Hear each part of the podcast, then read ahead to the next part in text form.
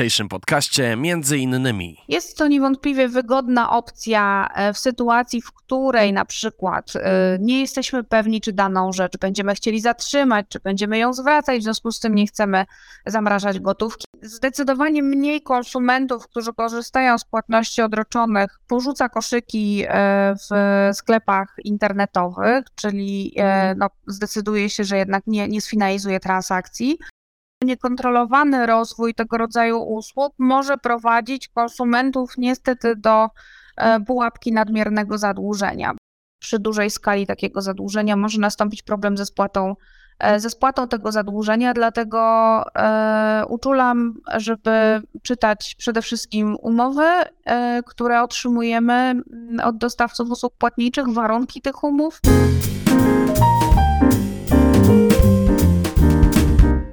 A dzisiaj naszym gościem Agnieszka Wachnicka, prezes zarządu Fundacji Rozwoju Rynku Finansowego. Dzień dobry pani prezes. Dzień dobry panie redaktorze, dzień dobry państwu.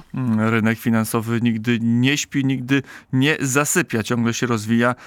Ostatnia nowość, która od kilkunastu, może nawet dłużej, od dwóch lat niż kilkunastu miesięcy trafia na nasz rynek, tak zwana płatność odroczona. Zacznijmy od podstaw. Co to jest za instrument i jak on się mm, wpasowuje w nasz rynek finansowy? Rzeczywiście rynek finansowy zmienia się nieustannie, zmieniają się również potrzeby i nawyki konsumentów, i tak naprawdę to za nimi podąża rozwój usług finansowych, czyli pojawiają się nowe usługi, które mają sprawić, że będzie nam wygodniej, że będzie nam przyjemniej e, i że będzie nam łatwiej. I taką usługą niewątpliwie jest płatność odroczona. E, to jest nic innego jak przesunięcie terminu płatności o konkretny termin. Najczęściej to jest 30 dni, czyli kupujemy coś dzisiaj, dostajemy już ten towar dziś, natomiast płacimy za niego dopiero po upływie 30 dni. Jest to niewątpliwie wygodna opcja e, w sytuacji, w której na przykład e, nie jesteśmy pewni, czy daną rzecz będziemy chcieli zatrzymać, czy będziemy ją zwracać, w związku z tym nie chcemy zamrażać gotówki, ale również kiedy na przykład są różnego rodzaju okazje, promocje, przeceny, a my w danym momencie nie dysponujemy odpowiednią gotówką, w związku z czym tę płatność możemy sobie o te 30 a e, w zależności od konkretnych rozwiązań nawet dłużej przesunąć. Do tej pory była taka możliwość, że mm, ktoś miał kartę kredytową i, i w ten sposób mógł e, no, kupować wtedy, kiedy pieniędzy aktualnie e, nie miał. Na jakie zapotrzebowanie odpowiada płatność odroczona? E, przede wszystkim karta kredytowa to jest już taki e, instrument, który wiąże konsumenta z bankiem, czyli z konkretną instytucją. My musimy w banku danym posiadać kartę kredytową. Nie każdy bank może nam ją wydać, w związku z tym to jest instrument dedykowany dla powiedzmy sobie ograniczonej grupy mm, osób. Natomiast płatności odroczone tak naprawdę to jest instrument, który, z którego mogą skorzystać e, no właściwie wszyscy, może nie wszyscy, bo te osoby, które mają jakieś zaległe zadłużenie, ponieważ firmy dostarczające tych e, rozwiązań również weryfikują bazy mm, czy to gospodarcze, czy bazę PIK, ale zasadniczo każda osoba, również taka, która nie posiada karty kredytowej i kupuje w sklepie, który korzysta z opcji płatności odroczonych, może z takiego rozwiązania skorzystać. To jest o tyle wygodniejsze, że to po prostu nie wiąże nas z żadnym bankiem, z żadną instytucją finansową. Mm, a właśnie, karty kredytowe to banki, a płatność odroczona to właściwie kto? Płatności odroczone dzisiaj to, jest, to, to są różne podmioty, yy, dlatego że y, one oczywiście powstały i wywodzą się z tego segmentu pozabankowego, I tu również jest różnie, bo częściowo to rozwiązanie dostarczają instytucje pożyczkowe, dlatego że e, ono powinno się co do zasady mieścić w reżimie ustawy o kredycie konsumenckim, czyli taka płatność odroczona de facto zgodnie z no, prawem i e, prawidłowym rozumieniem tego instrumentu powinna być kredytem konsumenckim, ale są podmioty, które nie traktują tego jako kredyt konsumencki, dlatego że z dyrektywy dzisiaj o kredycie konsumenckim wynika możliwość wyłączenia tego rodzaju produktów z, z dyrektywy, czyli de facto w tym momencie to nie podlega żadnemu szczególnemu reżimowi prawnemu, ale są również banki, które dostarczają tego rodzaju rozwiązania, więc ten rynek jest dosyć mocno zdywersyfikowany, jeżeli chodzi o dostawców. E, Są i, i banki tam się pojawiają, ale też e, platformy zakupowe. Rzeczywiście taka forma bardzo demokratyczna. Pytanie, czy nie za e, bardzo, czy nie jest tak, że to jest rynek tak rozproszony, że aż może umykać pewnej kontroli. Absolutnie tak. I tutaj z pełną stanowczością trzeba powiedzieć, że niekontrolowany rozwój tego rodzaju usług może prowadzić konsumentów niestety do pułapki nadmiernego zadłużenia, bo wprawdzie e, płatności odroczone to są na ogół niewielkie transakcje. Z naszych raportów, które wydajemy cyklicznie, wynika, że średnia kwota takiej transakcji to jest e, nieco powyżej 300 zł, więc można powiedzieć, że to jest niewiele. Natomiast e, konsumenci mogą zadłużyć się w wielu podmiotach. I teraz e, problem polega na tym, że mamy różne re- reżimy, w których są e, dostarczane te usługi i informacyjne, i umowne, i jakby wszelkiego innego rodzaju. I ten konsument w pewnym momencie może się po prostu w tym wszystkim pogubić. Dlatego potrzebna jest pewna unifikacja, pewna standaryzacja i również pewna kontrola. I to będzie się działo, dlatego że mm, w tej chwili nowelizowana jest dyrektywa o kredycie konsumenckim. Ona już jest e, właściwie na finiszu, e, powinna zostać przyjęta e, jeszcze w czerwcu tego roku. I ona włącza już w swój zakres płatności odroczone, więc one będą już traktowane jako kredyt konsumencki w Unii Europejskiej. Mm, Pani prezes, to jeszcze do tego aspektu regulacji pewnie w naszej rozmowie wrócimy. Mm, Powiedziała Pani o tej średniej transakcji 300 zł. Na ile jest tak, że płatność odroczona, no właśnie jest jakąś formą zwiększenia możliwości konsumpcyjnych przez społeczeństwo, w tym przypadku polskie społeczeństwo, które wchodzi tam, gdzie się nie opłaca e, wchodzić bankom czy innym instytucjom, które mogłyby zwiększać zasób gotówki w naszych gospodarstwach domowych. E, No, badania pokazują, że rzeczywiście, e, jeżeli chodzi o wzrosty w sektorze e-commerce, e, to tu płatności odroczone bardzo mocno wpływają na, na wzrost tych, na wzrost po prostu sprzedaży i na wzrost obrotów. Em, Zdecydowanie mniej konsumentów, którzy korzystają z płatności odroczonych, porzuca koszyki e, w sklepach internetowych, czyli e, no, zdecyduje się, że jednak nie, nie sfinalizuje transakcji. Zdecydowanie więcej osób te transakcje finalizuje i zdecydowanie więcej osób e, przyznaje, że finalizuje te transakcje na wyższe kwoty niż gdyby musieli dokonać płatności z własnych środków. Więc ewidentnie widać, że płatności odroczone e, powodują jednak no, wzrost, e, wzrost po prostu konsumpcji, jeżeli chodzi o e, sektor e, e-commerce. Czyli no, de facto przesuwają trochę tę naszą konsumpcję z przyszłości na teraz. Mm, To jeszcze trochę danych do naszej rozmowy mm, dołóżmy. Jak wielki jest to rynek, jak e, szybko się rozwija? Muszę powiedzieć, że jedna dana mnie uderzyła. Mm, Wedle badań, które są prowadzone na polskim rynku, przynajmniej tych, do których ja dotarłem, ponad połowa konsumentów chociaż raz skorzystała z płatności odroczonej.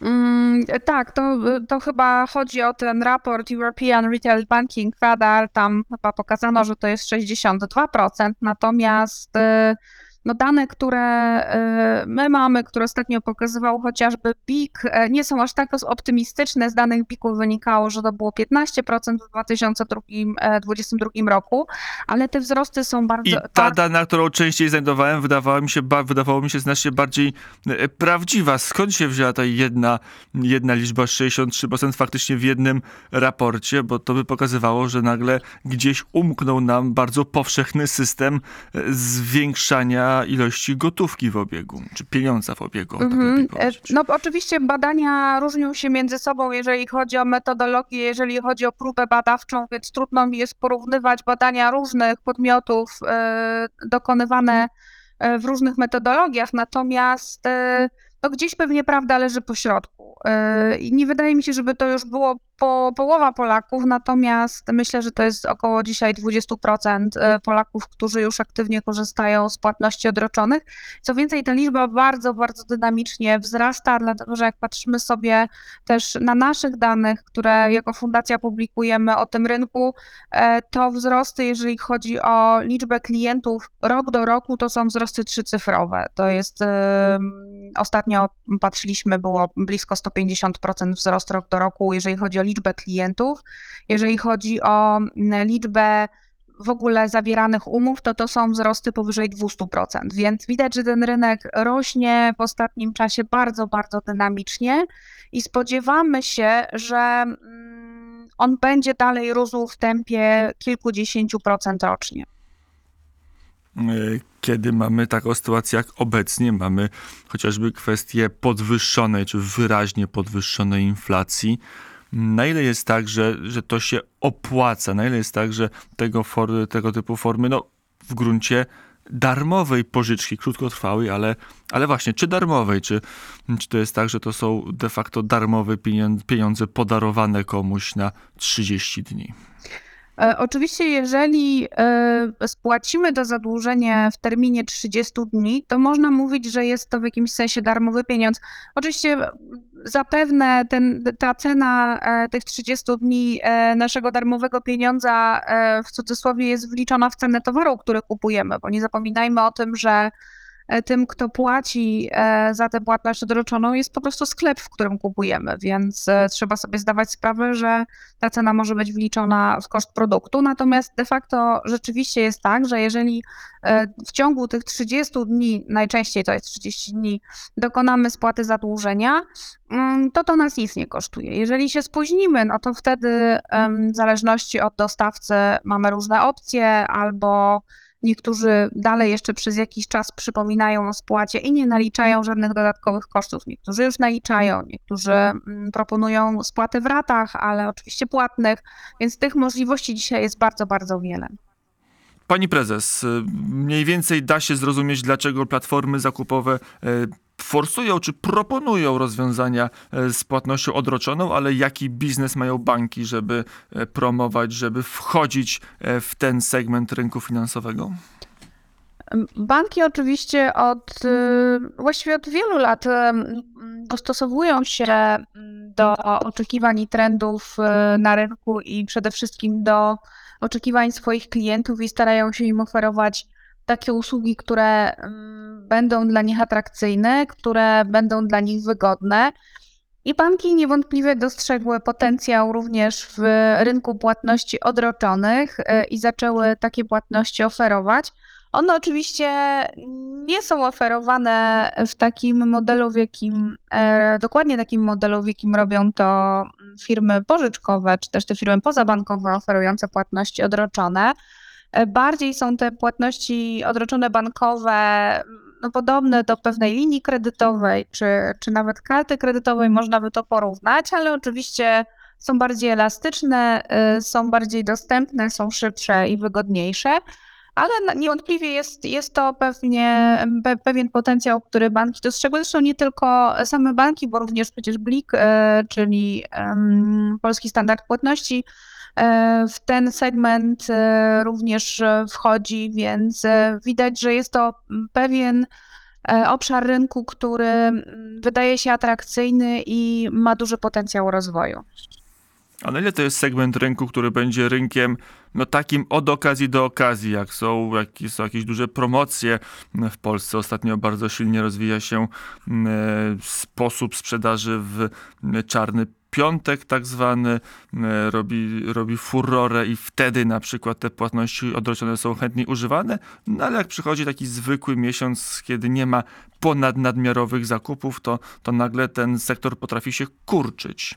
E, rzeczywiście tak jest, dlatego że to również e, jest uwarunkowane przyczynami, dla których część osób korzysta czy wybiera płatności odroczone. Są takie osoby, które no, jakby tradycyjnie nabywając różne rzeczy w e-commerce korzystają z płatności odroczonych, a są takie osoby, które uważają to jako pewne okazjonalne wsparcie, bo na przykład właśnie jest jakaś promocja, oni nie dysponują aktualnie taką gotówką, ale za chwilę będą dysponować, więc będą mogli e, spłacić. E, I to było widać chociażby w danych listopadowych. e, My też to pokazywaliśmy jako fundacja, e, kiedy rzeczywiście ten segment płatności odroczonych nam bardzo mocno wystrzelił, e, a, a wtedy mieliśmy czarny, właśnie czarny piątek. E, A już w danych grudniowych czy danych styczniowych te wartości były e, znacznie niższe, choć dalej dynamika wzrostu, jeżeli patrzymy rok do roku, jest e, bardzo wysoka. Natomiast e, nie zapominajmy, że podmioty, które dostarczają usług płatności odroczonych, no one też wykorzystują różnego rodzaju techniki, które mają nas zachęcić do tego, żebyśmy z tych płatności odroczonych e, korzystali. Na przykład jedna z platform zakupowych domyślnie podpina ten rodzaj płatności już e, przy każdych zakupach i e, żeby go zmienić, to trzeba to, to zrobić ręcznie. E, w związku z tym, e, no, trzeba się też e, liczyć z pewnymi, z pewnymi technikami sprzedażowymi po stronie dostawców. Mm, Na ile tutaj wróćmy do tego tematu, o którym już trochę powiedzieliśmy, czyli e, regulacji. No, wchodzą różne ustawy, które regulują e, rynek e, finansowy, czy starają się go jeszcze bardziej uszczelnić, zwłaszcza w sektorze pożyczek pozabankowych, pożyczek, jak to się mówi, politycznie lichwiarskich, czy w dyskusji politycznej. Na ile tego typu regulacje także wpływają na ten segment, jakim jest płatność odroczona? Tak naprawdę, jeżeli mówimy o regulacjach e, antylichwiarskich, e, ja nie lubię tego określenia, dlatego że w mojej ocenie te, te pożyczki, które są udzielane na, na rynku legalnym i mieszczą się w granicach przepisów prawa, no, nie powinniśmy ich nazywać lichwą, ale od tego abstrahujmy. E, jeżeli chodzi o te ostatnie regulacje, które e, weszły, czy też wejdą może bardziej w życie dopiero od maja. One dotyczą tak naprawdę kwestii raportowania e, o fakcie udzielonych pożyczek do Biura Informacji Kredytowej i ta regulacja obejmie podmioty, które dostarczają usługi płatności odroczonych. Oczywiście, jeżeli robią to w reżimie ustawy o kredycie konsumenckim, e, czyli są objęte regulacjami ustawy o kredycie konsumenckim, wówczas one będą miały obowiązek każdą taką transakcję zaraportować do Biura Informacji Kredytowej, co powinno się przyczynić do większej przejrzystości tego rynku i do no, większej wiedzy o tym, ile tych transakcji tak naprawdę na rynku mamy. E, Jeszcze wróćmy do. mm, Tu mamy regulacje, no ale też jest ta właśnie obawa, którą nawet ja osobiście, jako klient mm, płatności odroczonej, jako osoba, która się porusza i w handlu internetowym, no i oczywiście korzysta z instrumentów rynku finansowego, instrumentów bankowych, także czasami pozabankowych. e, Kiedy widziałem te oferty kilkanaście miesięcy temu, już można powiedzieć nawet parę lat temu, to byłem bardzo mocno wstrzemięźliwy. No, wyczuwałem intencjonalnie, jak mówi stare powiedzenie, nie ma darmowych mm, obiadów czy, czy luncha. Tutaj ktoś mi za darmo proponuje odroczenie płatności o 30 dni i pierwsza, mm, i pierwsze moje nastawienie, coś tu musi nie dać, gdzieś tu musi być e, haczyk, pani prezes. Czy w płatnościach odroczonych są takie haczyki? E, Jeśli chodzi o ten okres e, 30-dniowy, on przeważnie jest 30-dniowy, chociaż umówmy się, może być inny, tak zwany bezpłatny, darmowy, e, to on rzeczywiście taki jest i e, zasada mm, no, w większości przypadków jest taka, że w tym przypadku dostawca usługi płatniczej e, pobiera opłatę od sklepu. To znaczy, to sklep płaci za to, że my możemy skorzystać z płatności odroczonej. E, Natomiast e, no już troszkę inna sytuacja jest w momencie, kiedy nie dokonamy spłaty, zapłaty za, za ten towar de facto zakupiony e, w ciągu tych 30 dni, dlatego że wtedy mm, już wkraczamy jednak w taki typowy kredyt. E, Najczęściej e, dostawcy umożliwiają rozłożenie tego zobowiązania na raty. Różne, różna liczba jest tych rat, e, w zależności od tego, e, jak, e, jak, jaką ofertę ma dostawca, albo spłatę całości, ale już z oprocentowaniem. W związku z tym to przestaje być darmowy kredyt po upływie tego okresu, który mamy na spłatę zadłużenia. Może tu jest ten interes banków, o którym mówiłem, że mm, ci, którzy oferują płatność odroczoną, liczą, że jakaś część, pewnie większość ureguluje świadczenie w ciągu 30 dni, no ale jakaś część tego nie zrobi i tu będzie można mm, zarobić na tym udzielonym, było nie było, no jednak kredycie. Tak, no z całą pewnością ten model biznesowy jest y, skonstruowany w ten sposób, żeby mm, no, zarabiać na tym, że część osób po prostu nie będzie spłacała tego zadłużenia w terminie. Podobnie zresztą jak mamy sytuację przy kartach kredytowych. Część osób przedłuża spłatę i po prostu ponosi koszty tego przedłużenia czy też przesuwania w czasie y, i nie, nie mieści się w tym no, tak, tak zwanym okresie grace period, który de facto jest bezpłatny w związku z korzystaniem z karty kredytowej. Mm, jeszcze jeden segment krótko poruszmy, czyli znaczenie płatności odroczonej dla mm, warunków makroekonomicznych czy całego rynku finansowego. Na ile ten dynamiczny sektor, jego rozwój może za chwilę wpływać na ilość gotówki w obiegu, na wskaźniki makroekonomiczne, e, ale też na cały sektor rynku finansowego.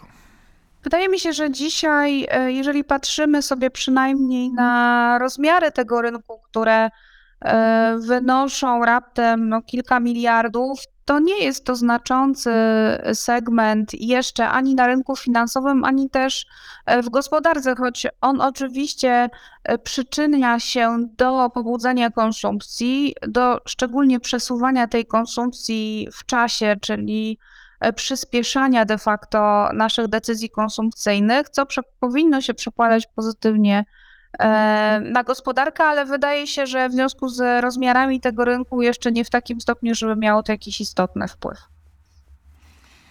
Mm, e, czyli tutaj nie ma tak, że nagle płatność odroczona spowoduje, że na rynek trafią kolejne setki miliardów złotych E, pani prezes, to jeszcze na koniec, trochę konkludując naszą rozmowę, wracając do tych zagrożeń, które można widzieć w tym instrumencie, że, że ktoś na przykład no, będzie zbyt odważnie korzystał z tego mechanizmu.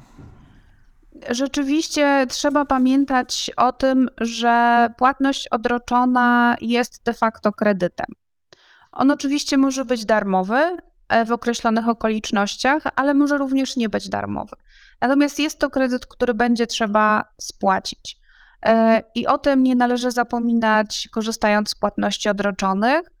E, bardzo często jest tak, że no my dziś dokonujemy tego zakupu w sklepie internetowym i no, towar przychodzi, my z niego korzystamy i zapominamy, że trzeba coś spłacić za te 30 dni po czym przychodzi termin spłaty i, i, i, jest takie zaskoczenie, że to jednak trzeba będzie spłacić. Więc e, jest pewne ryzyko, że w momencie, kiedy dana osoba zadłuży się jednocześnie u kilku dostawców e, usług płatniczych, może mieć e, problemy ze spłatą, nawet nie u kilku, może być również u jednego, ale przy dużej skali takiego zadłużenia może nastąpić problem ze spłatą ze spłatą tego zadłużenia, dlatego e, uczulam, żeby czytać przede wszystkim umowy, e, które otrzymujemy mm, od dostawców usług płatniczych, warunki tych umów, na jakich warunkach będzie następowała spłata, również jeżeli nie nastąpi ona w tym 30-dniowym terminie, jaka będzie, jakie koszty będzie mm, trzeba ponieść i jakie są konsekwencje braku tej spłaty.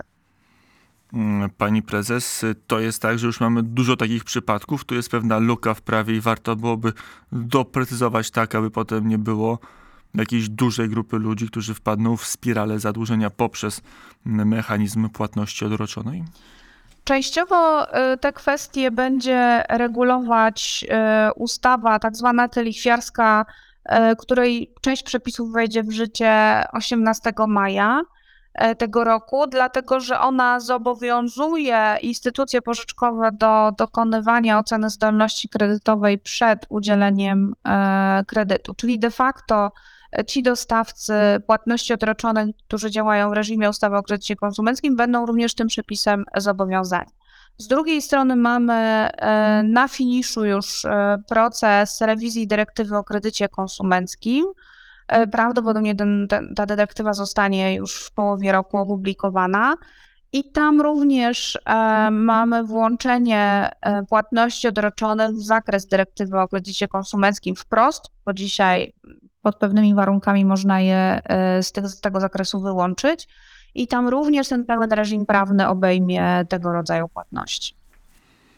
Powiedziała Agnieszka Wachnicka, prezes Fundacji Rozwoju Rynku Finansowego. Pani prezes, dziękuję bardzo za rozmowę. Dziękuję panie redaktorze, dziękuję państwu. No, Państwu dziękuję za uwagę i do usłyszenia w następnym podcaście.